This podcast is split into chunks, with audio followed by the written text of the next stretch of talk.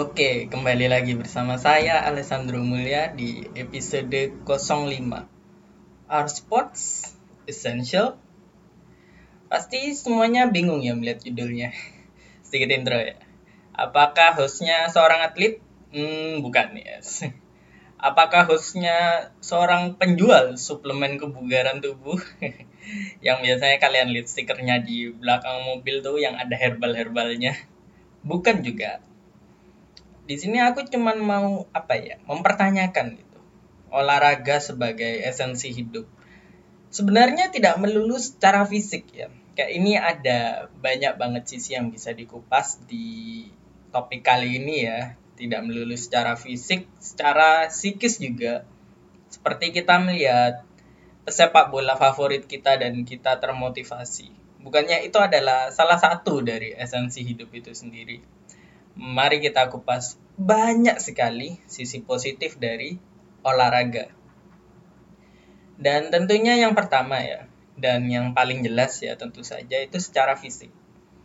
Banyak sekali dokter, personal trainer dan kayak apa ya, guru olahraga mungkin dan sebagainya menganjurkan berolahraga setidaknya seminggu sekali.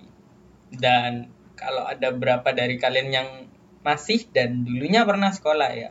Mostly sekolah pasti ada physical education minimal seminggu sekali lah ya. Dan itu sebenarnya tidak sesulit itu loh. Kalau dulu sekolah kan kita kayak mau nggak mau olahraga kan begitu kita kuliah aja. Kuliah tuh udah momennya aku jarang banget olahraga jarang banget. Eh sebenarnya teknisnya nggak sulit itu mengingat berjalan kaki saja itu sebenarnya sudah termasuk berolahraga ya. Ada beberapa manfaat dari olahraga yang saya searching cepat dari Google. Mohon maaf karena saya bukan personal trainer ya jadi nggak tahu.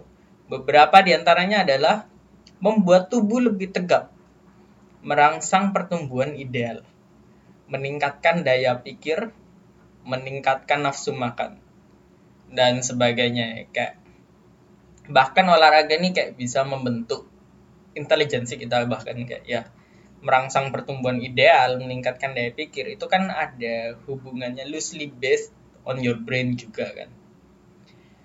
Dan berapa banyak dari kalian yang memulai sebuah olahraga tertentu karena terinspirasi oleh atlet? Pasti pasti ada kan, nggak harus kalian tapi mungkin kenalan kalian gitu mungkin ada keluarga, temen atau yang lainnya gitu.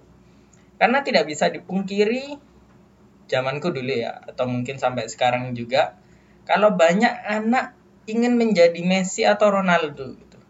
Kayak ada satu yang nyaru jadi Messi, terus yang lainnya jadi Ronaldo dan sebagainya. Itu kayak salah satu rivalitas yang kebawa sampai ke uh, apa ya geng-geng sekolah gitu dan sebagainya di suatu tempat di Indonesia gitu kayak mereka main di zona apa ya bukan zona ya kayak liga paling kompetitif di dunia dan pasti ada banyak anak-anak gang di seluruh bagian di dunia yang pasti mengidolakan mereka gitu. Walaupun mereka nggak tahu. Dan pengalamanku dulu waktu SD ya anak yang jago basket tuh selalu disebut Kobe Kobe. Wih kayak dia apa ya crossovernya bagus gitu. Mungkin satu-satunya anak yang bisa lay up gitu. Mesti diteriak kayak wih mirip Kobe ya mirip Kobe. Gitu kayak tapi bahkan aku tuh nggak tahu siapa itu Kobe. Ah nggak tahu NBA itu apa gitu. Bahkan aku nggak tahu nama belakangnya gitu. I guess that's what called inspiring people gitu. Karena syarat also ya to let Kobe Bryant we love you kayak banyak banget yang lempar kertas ke tempat sampah gitu. Terus masuk teriaknya Kobe gitu wih inget dulu waktu SD itu. Padahal kayak aku nggak tahu siapa dia. Mukanya aja nggak tahu bayangin. Mukanya aja nggak tahu. Tapi sebuah nama Kobe itu dari dulu kayak waduh pasti banyak anak komplek yang tahu sih. Dan ngomongin tentang itu ya tentang apa ya positifnya olahraga tuh Apakah itu saja sisi dari positivitas olahraga? Sebenarnya tentu tidak sih. Ngomongin tentang sisi olahraga ya, ada sedikit fun fact. Olahraga adalah salah satu cara untuk menyembah Tuhan di Yunani kuno. dulu sebuah kompetisi yang namanya Olimpiad yang menjadi cikal bakal Olympics sekarang itu digelar untuk menghormati Zeus dan ya dewa-dewa Yunani lainnya gitu. Dan mereka melakukannya dengan telanjang bulat dulu. Bayangin deh, bayangin, bayangin. Kayak kalian main sepak bola gitu, terus kena itunya sih. Itu apa gak pecah itu telurnya kayak apa pun olahraga yang mereka lakukan di Olimpiad dulu tuh dilakukan dengan telanjang bulat. Aku nggak tahu apakah ada maknanya di balik kayak ini kan a form of worshipping ya. Kayak pasti ada ini dan itunya pasti ada tetek bengeknya gitu. Ah nggak tahu dan ya kita juga nggak membahas itu tapi I think it's a good intermezzo gitu. Kayak olahraga tuh ada sejak dulu.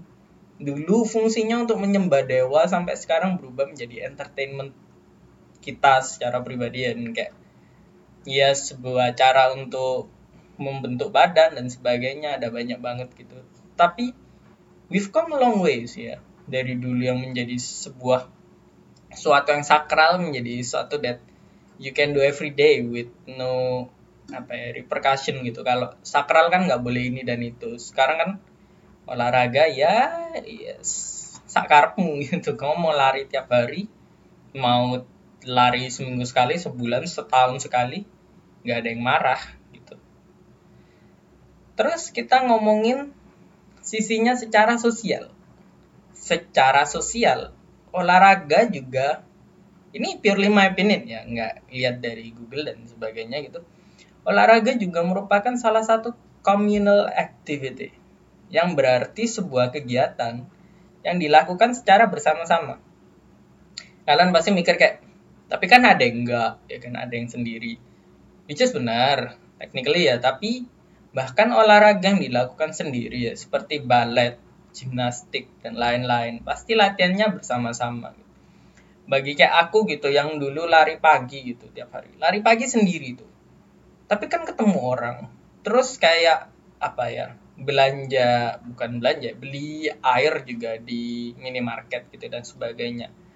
I think it counts as a communal activity loosely ya kayak loosely as a communal activity gitu in which the case people can see me what doing sports. Dan who knows gitu ya. Aku terinspirasi lari pagi karena ada temanku yang lari pagi. And if it spread like a wildfire I'm all in for it. Kayak itu adalah sesuatu yang positif ya. Walaupun sekarang udah nggak lari kayak dulu lagi.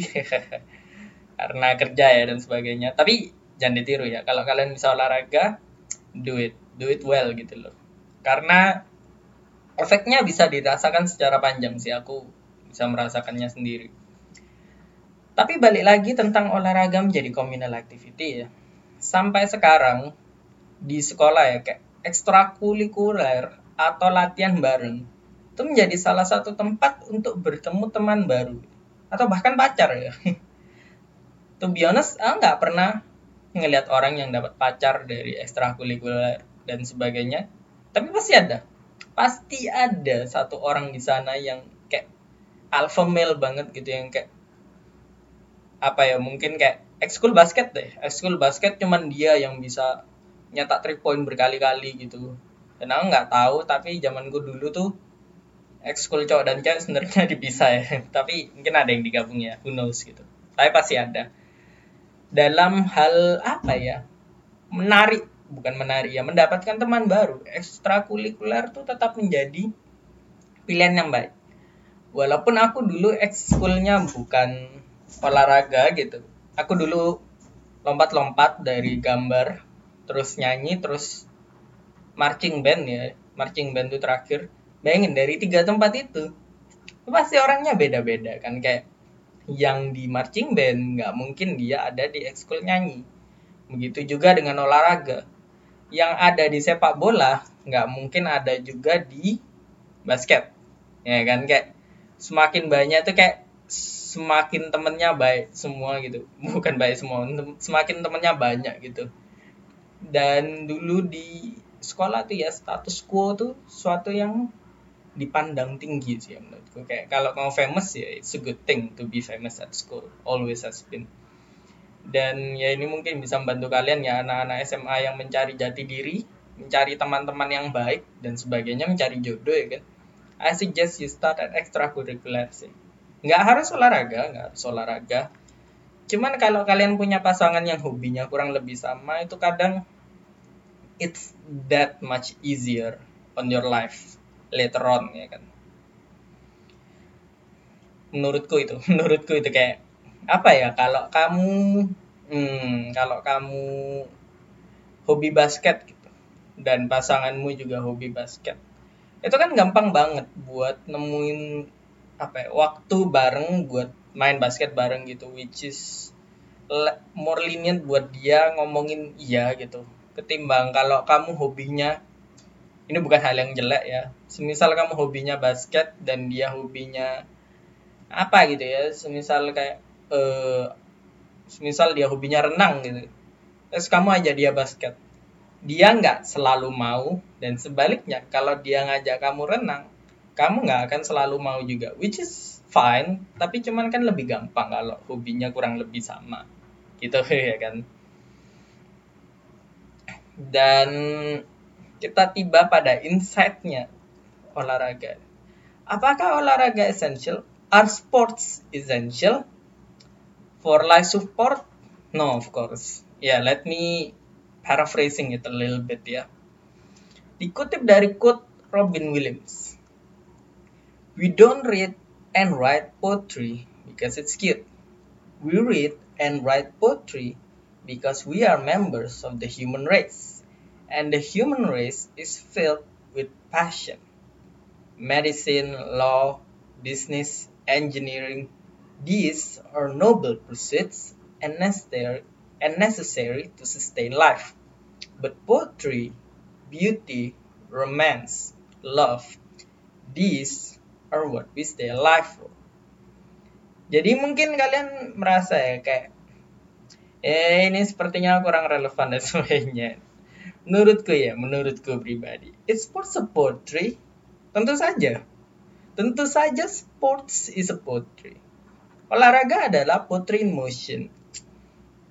Kayak hmm, siapa yang bisa melupakan dribblenya Ronaldinho, layupnya Michael Jordan, atau kecepatannya Usain Bolt. For me, itu semua jelas-jelas seni sih ya, menurutku ya. Kayak kecepatan Usain Bolt aja, itu adalah manifestasi kerja kerasnya setiap hari di gym, membentuk badannya ini dan itu dan sebagainya gitu sehingga dia bisa berlari secepat itu. Dan buat para pelukis ya kayak apa ya bukan pelukis ya kayak semua praktisi seni ya latihan tuh perlu. Sama seperti in the same way that olahraga latihan itu perlu gitu. Kamu nggak bisa menemukan style desainmu seperti apa your art your sense of art kayak kamu tuh ngelukis kayak gimana. Karena setiap orang pasti ngelukisnya beda-beda gitu ya. Tekniknya beda-beda sama kayak orang olahraga juga. Pasti kayak habitnya beda-beda gitu. Kayak jam shootingnya jam stance-nya Kobe Bryant pasti beda sama Michael Jordan. Fadeaway-nya pasti beda gitu. Cuman latihannya sama-sama intens gitu. Dan menurutku that's what makes it poetry gitu. Kayak the move that they do in the matches are so flawless gitu. Kayak orang-orang pasti takjub melihatnya. Sama kayak kita ngelihat ballet gitu ya kak. Atau figure skating dia bisa muter-muter gitu sampai 6-7 kali kita pasti merasa kayak wah ini jelas seni sih ya. Ini adalah performative art. I think that's a good way to say it ya yeah. kayak sports isn't performative art. It's a poetry in motion gitu. Jadi insightku adalah sports are essential, yes. Not for life support, tapi untuk apa ya? Sustain the life support itself gitu loh. Kayak it is a form of entertainment di mana aku ngikutin kayak NBA ya, atau F1 ya dan aku merasa senang gitu, terinspirasi dari mereka. Kalau satu waktu aku melakukan olahraga demi mereka kan I think I'd say ya kalau they have fulfilled their apa ya they have fulfilled their cause in my life gitu. Kayak they inspire me to be better gitu without me even having to know them personally gitu. Jadi kayak apa ya it is a form of art yes it is a form of art for me gitu ya. Kayak pasti ada orang juga yang mungkin sepaham dengan apa yang aku katakan gitu kayak olahraga adalah bentuk seni bentuk seni yang kayak fleeting gitu kayak apa yang kamu lakukan sekarang nggak bisa kamu lakukan besoknya gitu. But you live for the moment. In the same way kayak LeBron James mungkin bisa nge-score 50 poin sekarang tapi besoknya cuma nge-score 5 poin gitu ya. Tapi orang tetap akan remember those 50 points gitu.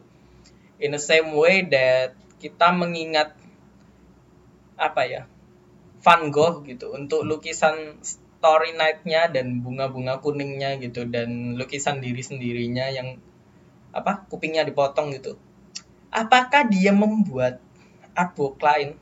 Banyak, kayak ratusan gitu ya kan. Tapi yang diingat selalu magnum opusnya. Selalu kayak artbook dia yang membuat dia menjadi dia yang sekarang ya kan.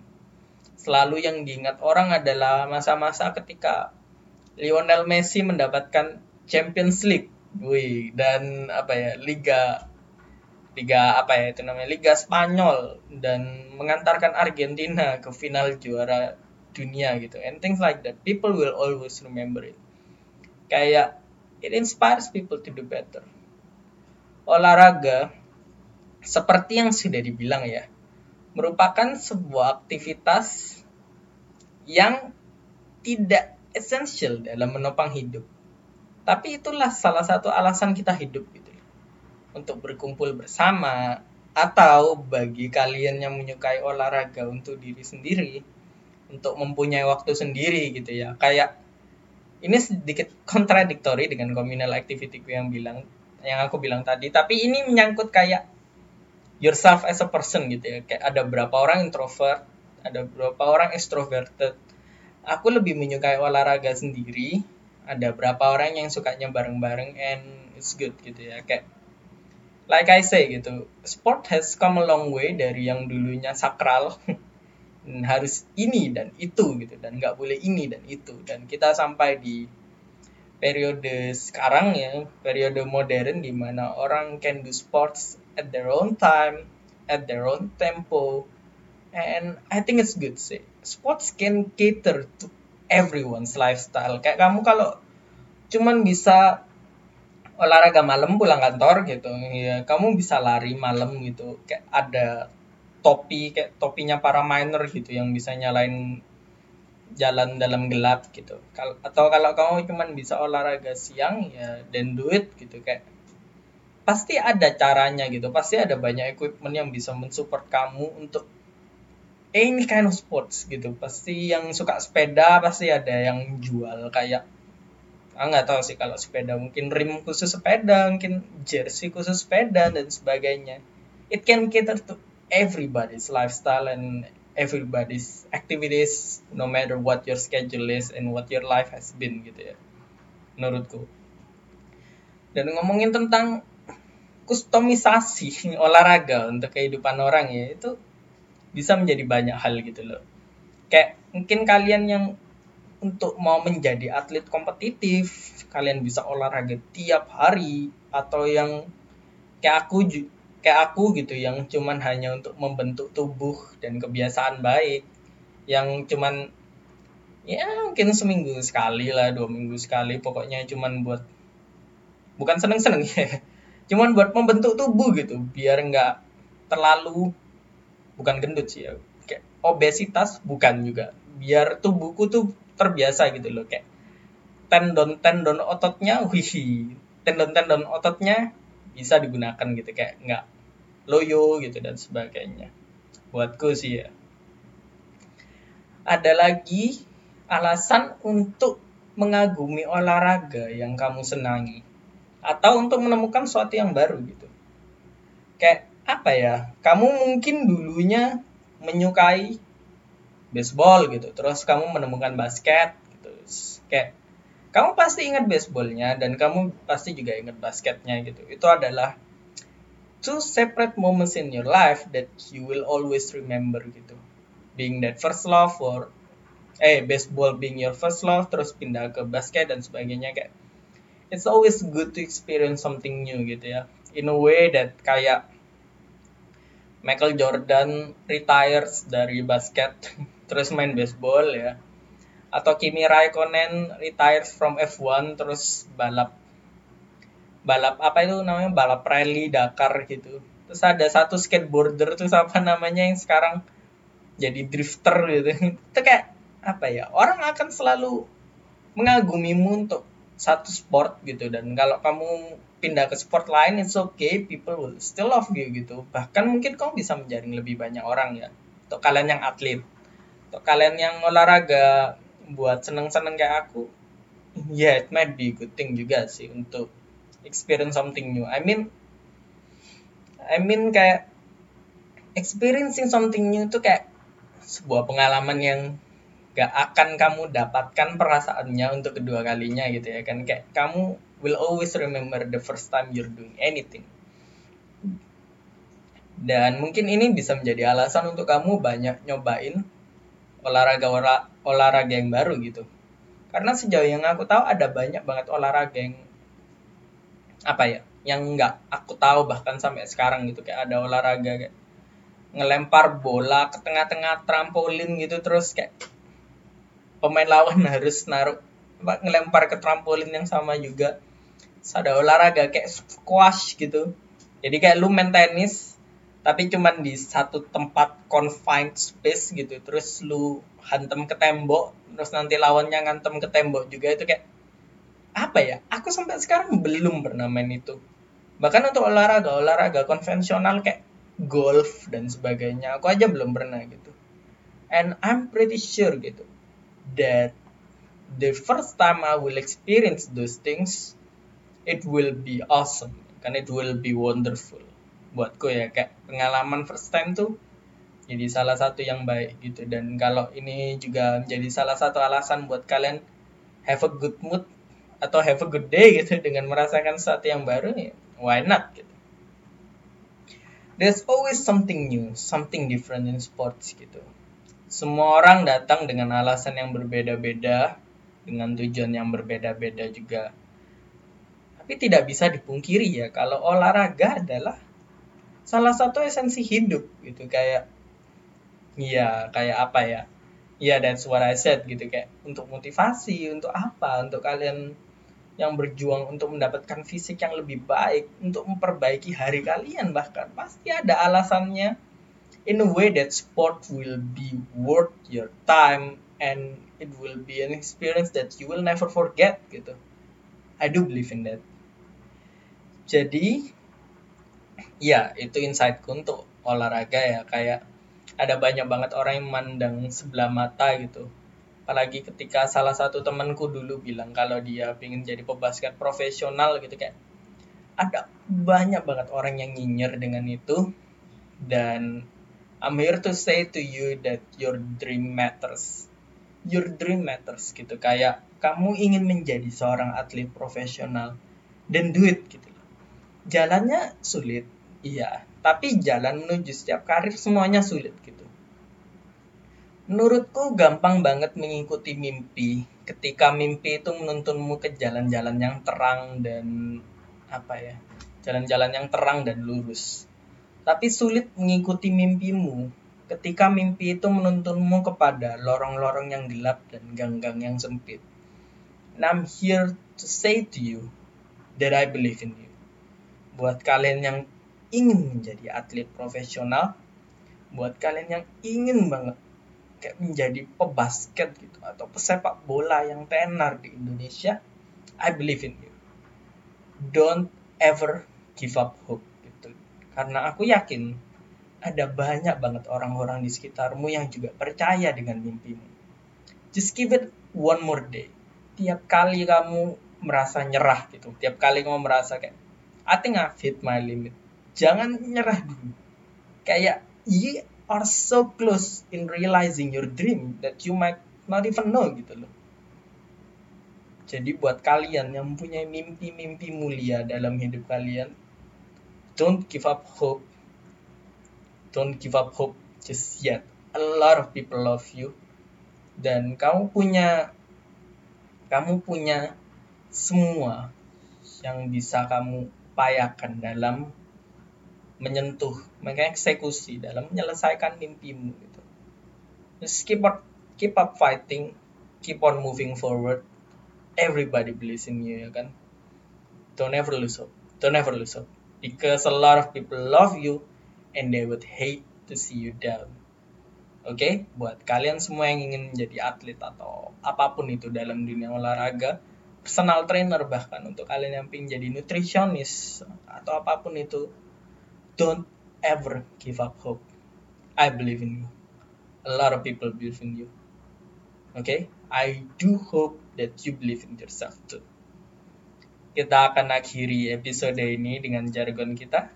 In for a penny, in for an experience. Stay safe and I'll see you next time. Bye bye.